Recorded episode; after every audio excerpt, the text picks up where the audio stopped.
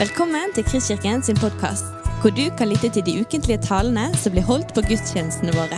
Vi håper denne podkasten vil inspirere og utfordre deg til å kjenne Gud, elske mennesker og tjene vår verden.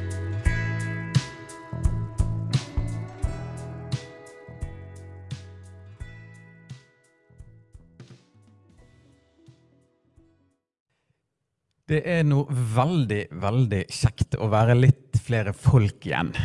Er dere enige? Ja. Det er litt sånn finne godfølelsen eh, sammen igjen. Det, må si, jeg synes det, var, sånn, det er noe veldig, veldig sterkt, godt, rikt, vakkert med å kunne få søke Gud alene. Men det er òg noe helt eget med å kunne få søke Gud i fellesskap med andre. Jeg synes det er helt strålende, sånn som du, Thomas, bare gir det der rommet for at vi kan få stilne foran Gud, søke Han. Og det der Jeg kjenner liksom Dette har jeg sovnet! Det er nydelig å få være forenet i større grad igjen. Veldig gøy å ha barna her. Eh, min kone Elisabeth og jeg vi er foreldre til tre. Lea på seks, Åse på fire, og han som nå er blitt to snart. Han var seks måneder akkurat den 12. mars i fjor. Og så har han hatt 15 måneder da, hvor eh, han tror at korona er normalen. 21 måneder er han blitt. Men her om dagen jeg har lyst til å innlede med det, så hadde vi i familien en litt sånn eh, artig samtale i bil. da. Den bare dukket opp. Eh, det ble liksom et tema om hvem pappa elsker. Vi virret oss inn på det. Og de to eldste hos oss, hun på seks og hun på fire, de engasjerte seg i denne samtalen. Pappa elsker Olea. Pappa elsker Åse. Pappa elsker Hans. Eh, og mamma. Og Jesus. Og Gud. Og Den hellige ånd. Og Herren. Det var så nydelig. Litt kluss skal det være når man snakker om treenighet, og det er litt mange å holde orden på for små barnesinn. Men det var så nydelig når Åse bare dyttet på den her på slutten. Og Herren. Og jeg er ganske sikker på at om den samtalen ikke hadde stoppet cirka der, for det gjorde han, så kunne kanskje en av de òg sagt Og pappa elsker Bibelen. For det vet de etter hvert i heimen der, at pappa er veldig glad i Bibelen, som vi i heimen kaller boken om Jesus. I forrige uke så ble jeg intervjuet av Daniel C. Bjørnsen i podkasten Preach, som Tro og Medier gir ut. Temaet jeg var invitert til, var dette. Hva er greien med Bibelen? Hva er greien med Bibelen? Litt ungdomsspråk der. Målet og håpet er å få inspirere en ung generasjon i dette landet til å utsette seg for Bibelen. Og jeg ble gira. Tungen min løp litt sånn løpsk. Jeg tror det kommer ut kommende uke. Jeg er litt spent på det, egentlig. Det var veldig sånn uh, ble sånn ordgyteri. Men jeg kjenner at en av mine hjertesaker og det er utrolig deilig å av og til ikke bare som belære, men å kunne besmitte en inspirasjon. En av mine hjertesaker er å få hjelpe min neste, hjelpe unge og eldre, inn i et dypere forhold til Guds ord. Inn i en tilværelse med stadig tilførsel av Gud sjøl.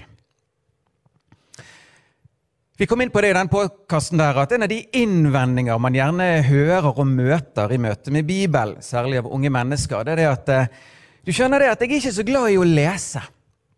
Jeg er mer sånn visuell. Mitt svar er jo da Da er jo Bibelen perfekt for deg!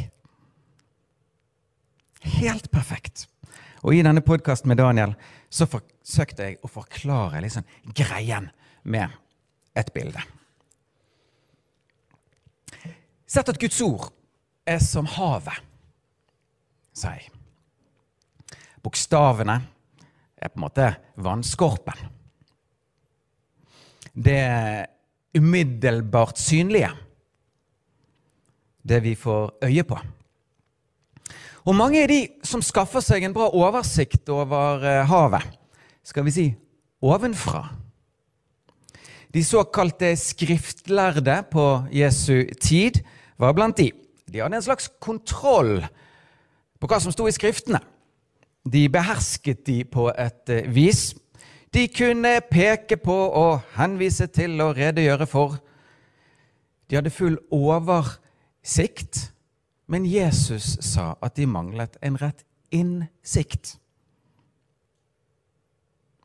Vannskorpen er en viktig del av havet, men kanskje aller mest så skjuler han ufattelige dybder og ufattelige mengder av liv. En god illustrasjon sa jeg derfor i denne podkasten til Daniel på en god omgang med Guds ord er derfor dykkeren.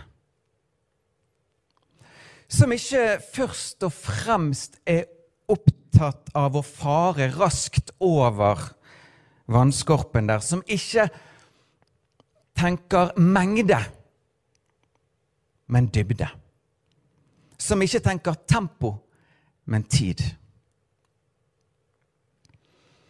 Som lar seg senke ned i det store havet, avstengt fra resten av verden der, og der nede i havet, der alt henger sammen med alt, stilner han på et avgrenset sted.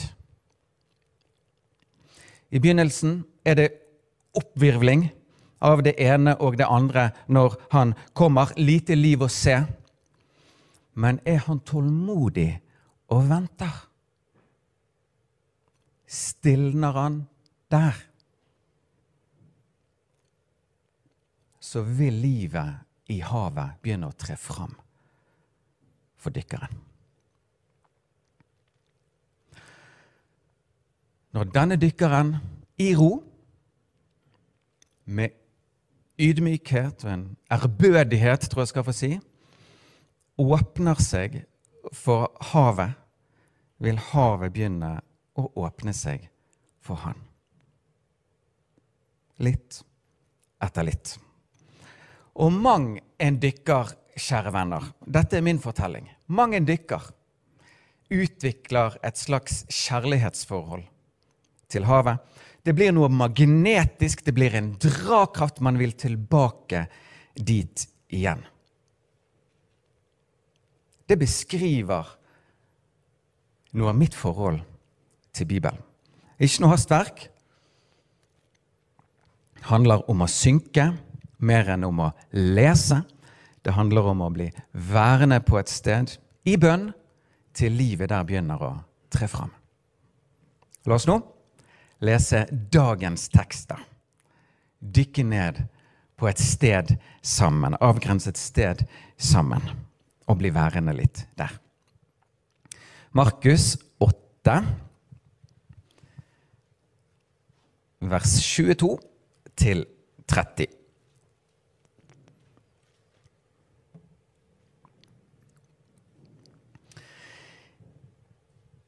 De kommer så til Betsaida og de fører til ham en blind mann og ber ham røre ved ham. Han tok da den blinde ved hånden og førte ham utenfor landsbyen. Han spyttet i øynene hans og la hendene på ham. Så spurte han, Ser du noe? Han så opp og sa, Jeg ser mennesker, for jeg ser noe like som trær gå omkring. Så la Jesus hendene på øynene hans igjen. Da så mannen klart og var helbredet. Han kunne se alt tydelig. Og han sendte ham hjem og sa, du skal ikke gå inn i landsbyen eller fortelle det til noen i landsbyen.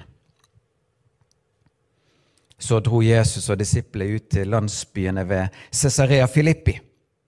På veien spurte han sine disipler og sa til dem, Hvem sier folk at jeg er? De svarte ham og sa, Noen sier døperen Johannes, andre Elias, andre igjen en av profetene. Og han spurte dem, Men dere, hvem sier dere at jeg er? Peter svarte og sa til ham, Du er Messias, Han bød dem da strengt at de ikke skulle si dette om ham til noen. Dykking i fellesskap er i mange, mange tilfeller enda rikere enn eh, solodykk. Vi får se ulike ting fra ulike vinkler. Å sitte i et mindre fellesskap over en åpen bibel over en tekst som dette er helt fantastisk. Da kan vi dele med hverandre hva vi får øye på. Men akkurat dette med hva man får øye på, er et nøkkelord. En nøkkelsetning for oss i dag. For etter at Markus har hatt en passasje i sitt skriv der det tales mye om brød på ulike måter, jeg snakket om dette forrige søndag, så skjer det her en glidende overgang til at det handler mye om øynene og synet. Aller mest handler det om synet på Jesus. Har dere øyne og ser ikke? Hadde han akkurat sagt til disiplene i båten før de kom i land i Betzaida, der han helbreder en mann som ikke ser. I den påfølgende samtalen på veien der er deres syn på Jesus tema. Hvem sier folk at jeg er? Hvem sier dere at jeg er? Og neste søndag vil vi se, eller søndagen etterpå er det vel nå, så vil vi se at selv om de nå har sett at han er Messias, så ser de han stykkevis og delt.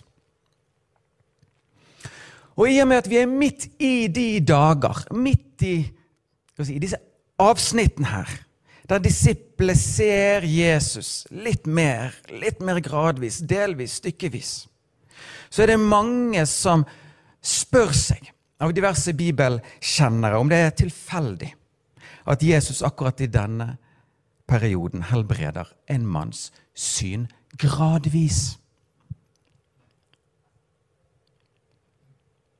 Det er jo den eneste gangen i hele Guds ord at vi ser at Jesus helbreder en mann gradvis. Det var for så vidt den eneste gangen vi ser at Jesus kjører et slags testspørsmål underveis i helbredelsen. Ser du noe? Det er i grunnen mye med denne teksten her som er spesielt. La oss se på han og la oss lære av han. Gjengen kommer altså til Betzaida, nordøst med Galilea-sjøen. Der fører de til ham, står det, en blind mann og ber han røre ved han. Dette kalles forbønn. Ingenting tyder på at denne mannen sjøl har funnet fram til Jesus. Hvordan skulle han finne veien til Jesus? Her er det et fellesskap som har hjerte for en som ikke ser. De fører han til Jesus og ber Jesus røre ved han. De overgir sin blinde venn til Jesus, og det viser seg å være et veldig godt trekk. Det beste de kunne gjøre. Mannen havner i verdens beste hender. Jesus tar han ved hånden, står det, og fører han utenfor landsbyen. Det første Jesus gjør, det er å berøre mannen. Som på dette tidspunktet ikke ser denne fremmede, vet kanskje ikke hvem han er, men som bare får merke hans berøring, høre hans røst inn i sitt liv, føle denne mannens nærvær. Jesus utstråler her en omtanke og utviser respekt. Vi ser en varhet. Vi ser at han omgås mannen med en verdighet, og han tar han avsides. Vi ser en Jesus som har tid til å sette seg inn i, til å vandre sammen med. Til å spørre, til å vise interesse. Tid til å bli kjent med og lese sin neste. Han spyttet i øynene hans, står det, og la hendene på han. Så spurte han, ser du noe? Jeg ser mennesker, for jeg ser noe like som trær gå omkring. Så lurer du kanskje aller først på hva er dette her med spyttet?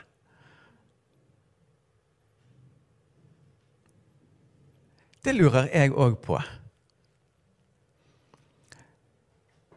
Jeg har lest en god del om det. Og det fins en del bra teorier.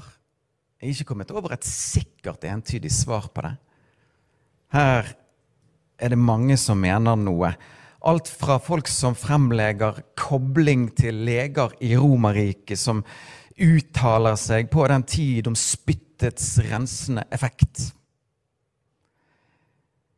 til at væske fra Jesu indre helbreder våre liv, helbreder vårt syn, tilsvarende blodet som rant på korset. Til at det hintes om øyesalve. Og til en del rarere teorier som vi ikke skal gå inn på. Men jeg må innrømme at jeg vet ikke helt akkurat hvorfor gjorde det, Jesus gjorde det på den måten. Kanskje kan vi her få si at vi ser stykkevis og delt. Men det vi ser, det er det at Jesus ikke bare leder denne mannen. Han ønsker òg å lege han. Og det er fantastiske nyheter òg for oss. Men spørsmålet står like fullt i kø i møte med denne teksten. Hvorfor spurte Jesus om mannen så noe? Lurte Jesus virkelig på det? Var han usikker på om hans håndspåleggelse hadde liksom full effekt?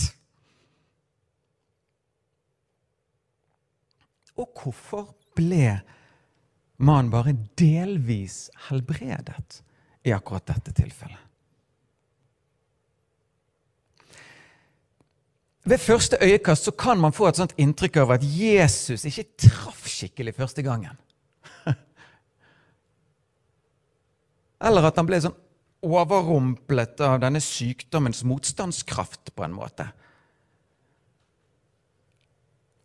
Men dette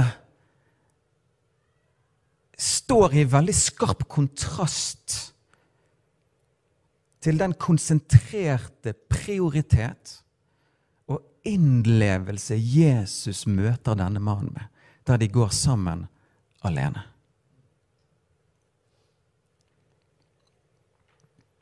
For det denne beretningen vitner om syder av mer enn mye annet, er jo at Jesus tar seg tid til å lese mannen uhyre sensitivt.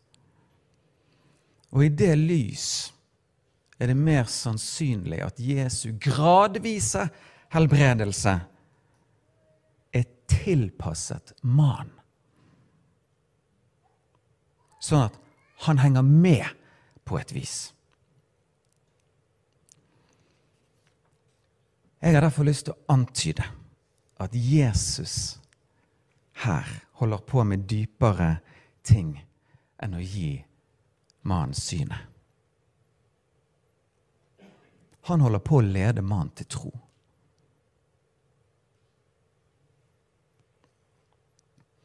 Han berører han. Han taler til han. Han er nær han.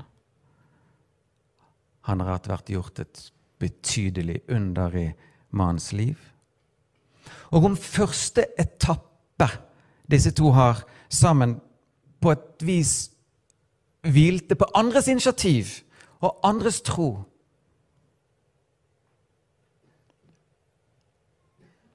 Så ønsket Jesus nå at mannen sjøl skulle uttrykke tro foran den neste etappen. Derfor dette spørsmålet ser du noe?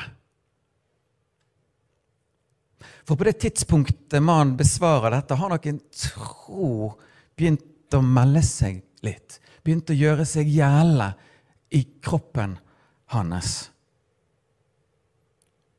Og Hans svar til Jesus om sin tilstand, om sin situasjon, rommer derfor ikke bare informasjon, fakta.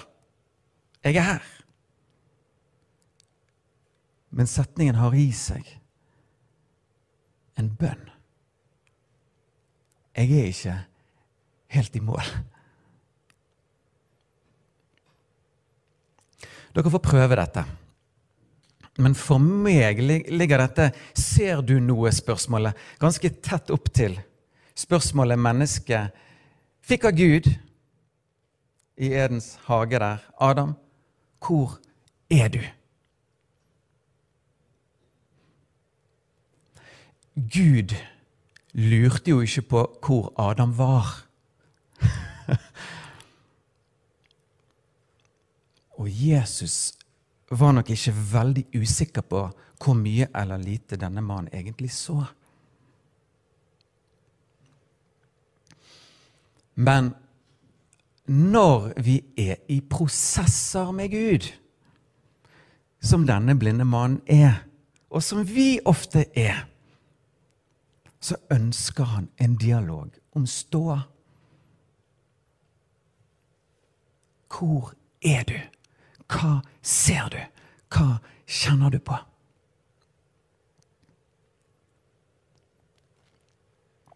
Ved å få oss til å sette ord på dette, så hjelper han oss til å se det han allerede ser. Han hjelper oss inn i kontakt med det som er sant.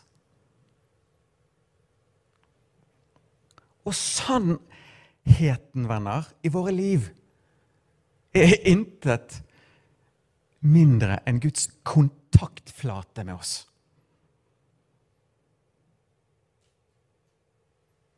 Vårt ståsted er alltid, uansett hvordan det ser ut, vårt utgangspunkt for videre ferd med Gud. Uansett hvor vi befinner oss. Det er trygt å si det som det er til Gud. Her om dagen så hadde vi en, en sånn vakker sak i, i heimen eh, vår. Et av barna bedyret flere ganger til meg at kveldsstellet var helt unnagjort. Det er helt sant, pappa. Det er helt sant. Og vi holdt det gående i noen minutter der, for jeg hadde fulgt med og visste med 99 sikkerhet at eh, det ikke var tilfellet. Men ok, da. Etter litt fram og tilbake så sier jeg til slutt OK, jeg stoler på deg. Jeg stoler på at du sier til meg det som er sant. Ikke lenge etter kom det. 'Pappa, kan jeg få hviske deg noe?' Ja, selvfølgelig, sa jeg. Da må du ikke bli sint. Nei, det skal ikke jeg bli. Jeg har egentlig ikke stelt meg. Ok, sa jeg. Tusen takk at du sa til meg det som var sant. Det er trygt å si det som er sant til vår far.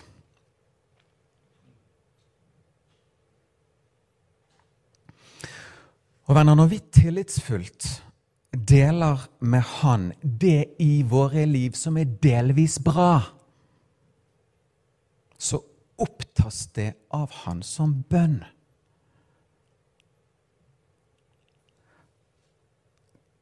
I dialog, i kommunikasjon med Gud. Vi kan alltid sette ord på som det er, men det ligger òg håp i den dialogen. I dette lys, tror jeg, Jesus holdt på å lede denne mannen inn i et trosliv, i tillegg til å gi han synet. Og det ville egentlig vært typisk Jesus. Ikke sjelden gir Gud mer enn det vi kommer på å be han om. Tenk bare på Martha og Maria søstrene til Lasarus. Og i denne beretningen venner, om denne gradvise helbredelsen avdekkes òg en annen viktig ting. Er det ikke sånn i våre liv, med våre liv,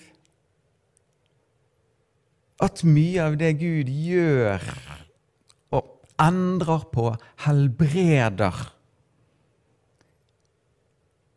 ofte skjer gradvis?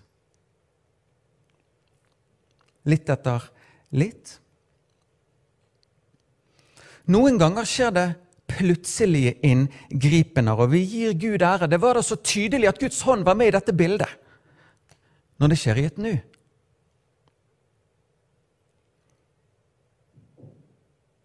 Men Jesu hånd er ikke mindre involvert når det er snakk om prosesser. Når Jesus innlemmes i våre gradvise prosesser, så er ikke han sånn noe mindre med. Vi ser en Jesus som leder i prosess. Også når man ikke ser den hånden. For det gjorde ikke den blinde.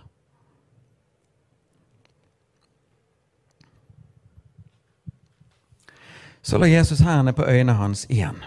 Da så mannen klart og var helbredet. Han kunne se alt tydelig. Og han sendte ham hjem og sa, Du skal ikke gå inn i landsbyen eller fortelle det til noen i landsbyen.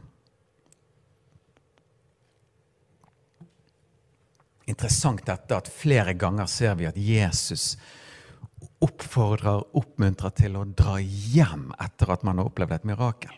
Den er interessant. Den er det verdt å tygge litt på. Men så er det dette med at ikke det skal gjøres kjent her og der.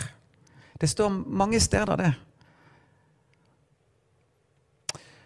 Og Jeg tror vi må få si at Jesus hadde helt unike grunner for å si akkurat dette. All støyen rundt Jesus var ikke bare av det gode. Tidlig i Markus ser vi dette at en helbredelse av en spedalsk gjør til at Jesus ikke lenger kan gå inn i byene. Folk, han holdt seg på øde steder, og folk gikk, gikk ut til han. Men nå begynner situasjonen å bli ekstra krevende, fordi det begynner å bygge seg opp en del politiske forventninger rundt denne mannen. Er han frelserkongen? Han hadde derfor unike grunner for å be både den blinde mannen og disiplene om å holde tett i denne perioden. Litt enkelt formulert.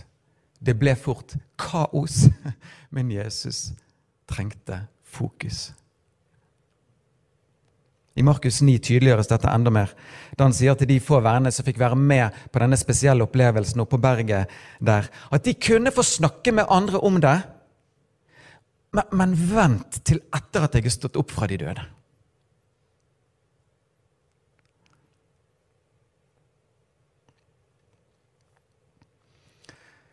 Tilbake til dykkeren vår. Så finnes det noe han eller hun kan gjøre for at livet i havet trer noe mer fram. Og en av de tingene man kan gjøre der, det handler om innlevelse. I omtalte personer, situasjoner i teksten. En annen som ligger tett opp til dette med innlevelse, er identifisering. Med de som omtales. Er det meg, dette? Er det meg det tales om. Jeg tror veldig mange bibellesere har gått glipp av mye her. fordi at F.eks. i møte med fariseerne, som Jesus taler så skarpt mot, så er det så lett å tenke, det er så lett å få det på avstand og tenke at det der er de. Det er ikke meg. Men venner, det er helt motsatt. Eh, dette er òg meg. For det som dypest sett adresseres i møte med fariseerne, er det harde hjertet som vi alle dessverre har mulighet til å utvikle. Selvopptatthet, sammenligning, dømmesyke.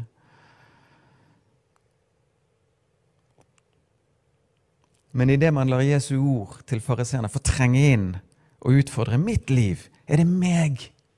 Ha, da er vi inni dette at Guds ord blir som et sverd som skjærer gjennom vårt indre landskap og avsløre det. Wow! Og Da blir jo spørsmålet hvordan kan vi identifisere oss med personer i dagens tekst? Er jeg den blinde mannen? Ja, men er ikke jeg det, da? Er ikke dette historien om min frelse? Jeg var blind. Noen førte meg til Jesus. I sin barmhjertighet så han til meg, møtte meg tilpasset individuelt og ga meg å se. Nå lever jeg i en tilværelse der jeg ser stykkevis og delt, men én gang der fremme skal jeg se alt tydelig. Ikke minst se Jesus som han er. Jeg er den blinde mannen. Men er ikke dette òg historien om min vandring med Jesus, der jeg som den blinde her er på vei med Gud, og jeg litt etter litt gis å se? Kanskje kan vi i dette identifisere oss aller mest med Peter, som i løpet av tolv få vers i Markus 8 her først er blant, den, blant de som ikke griper dette at Jesus er Messias. Dere har øyne, men ser ikke vers 21. Før øynene hans åpnes og de gripes. Du er Messias, Guds sønn! Vers 29. Før det blir veldig tydelig at selv om han ser noe, så ser han ikke så klart. Du må ikke lide og dø, Jesus! Vers 32. Så Peter gikk fra delvis syn til delvis syn. Vi ser stykkevis og delt på denne reisen med Jesus Kristus. På denne siden av døden går vi sjeldent fra stykkevis til full forståelse. Vi går på en måte fra delvis forståelse til delvis forståelse i mange tilfeller. Og det skal vi ta ydmykt til våre hjerter. At selv om vi ser noe, betyr det ikke at vi ser det klart. Den ydmykheten gjør vi lurt å ha i kroppene. Men ideelt sett erfarer vi det som det tales om i ordspråkene fire, at det rettferdighetssti blir klarere og klarere til det en dag blir høylys dag. Så er det kanskje ikke tilfeldig, da, at klarhet, klarheten til denne mannen, oppsto i Jesu nærhet. Kanskje heller ikke helt tilfeldig at synet klarner når han var tatt litt avsides. Ofte er det sånn. Og akkurat der ligger det gjerne òg en parallell til dykkeren igjen.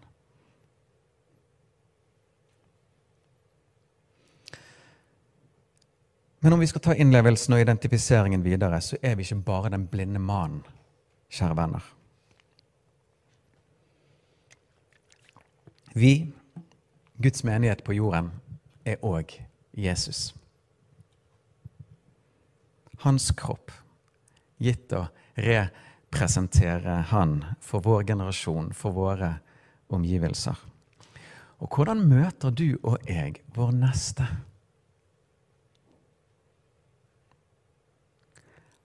Har ikke vi noe her som kan ligne på en slags oppskrift? Barmhjertig respektfullt, individuelt, tilpasset, vennlig, god tid, dialog, en betjenende tilnærming, spørre, høre etter, sette seg inn i den andre. Det skjer ikke foran alle, men i det skjulte. Ikke noe press, ikke noe stress og en diskresjon. Det er nydelig. Det er nydelig.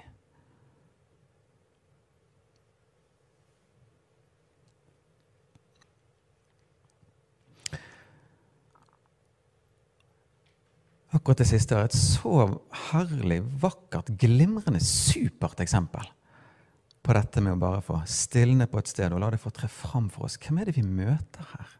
Hva er det som skjer? Og så begynner ordet å tale.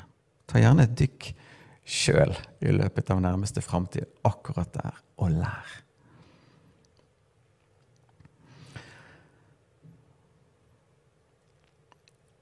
Helt til slutt i dag så må vi innom spørsmålet over alle spørsmål som kommer fram i dagens tekst. Som ikke bare ble stilt disiplene, men som hver enkelt av oss òg må besvare. Før eller siden?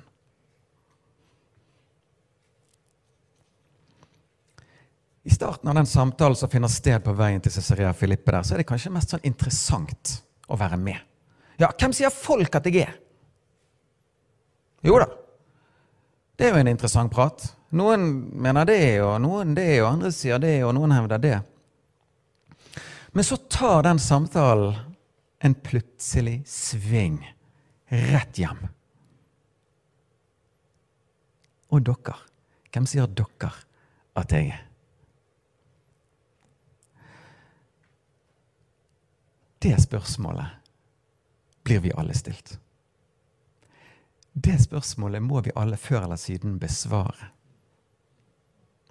Og det spørsmålet, kjære venner, har lyst til å si er et fantastisk spørsmål å ha med seg i beltet i omgang med våre medmennesker.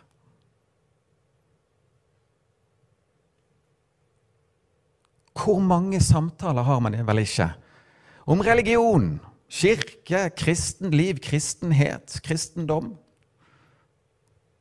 Jo da, der er det mye vi kan snakke om, og vi kan gjøre det veldig lenge. Men hvordan forholder du deg til Jesus? Hva tenker du om han? Det spørsmålet utfordrer. Det spørsmålet der er så sylskarpt, så presist, så utfordrende. Det er akkurat som at Jesus-navnet der rommer en annen brodd enn det litt bredere Gud. Hvordan forholder du deg til Jesus? Besvarelsen av det spørsmålet er så viktig. Og det avdekker i samtaler òg den andre personens ståsted. Dennes utgangspunkt for sin videre vandring med Gud. I mange tilfeller vil vi da, når vi blir gitt innsyn i menneskets sannhetspunkt, forstå at vi her må gjøre som disse første verne til den blinde mannen. Vi må føre vedkommende til Jesus. Vi må be om at Jesus rører ved han. Og det er Jesus god på. Det har han gjort før, og det gjør han gjerne igjen.